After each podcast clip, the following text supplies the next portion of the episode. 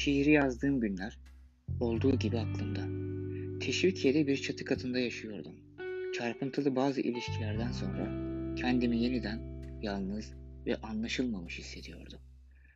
Böyle zamanlarda insan rastgele bir kadın hayalinden hareket ederek zehrini alacak bir sevgili gereksinir ya.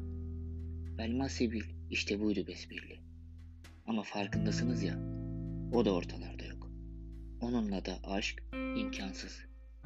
Daha sonra televizyonda klipleştirildi.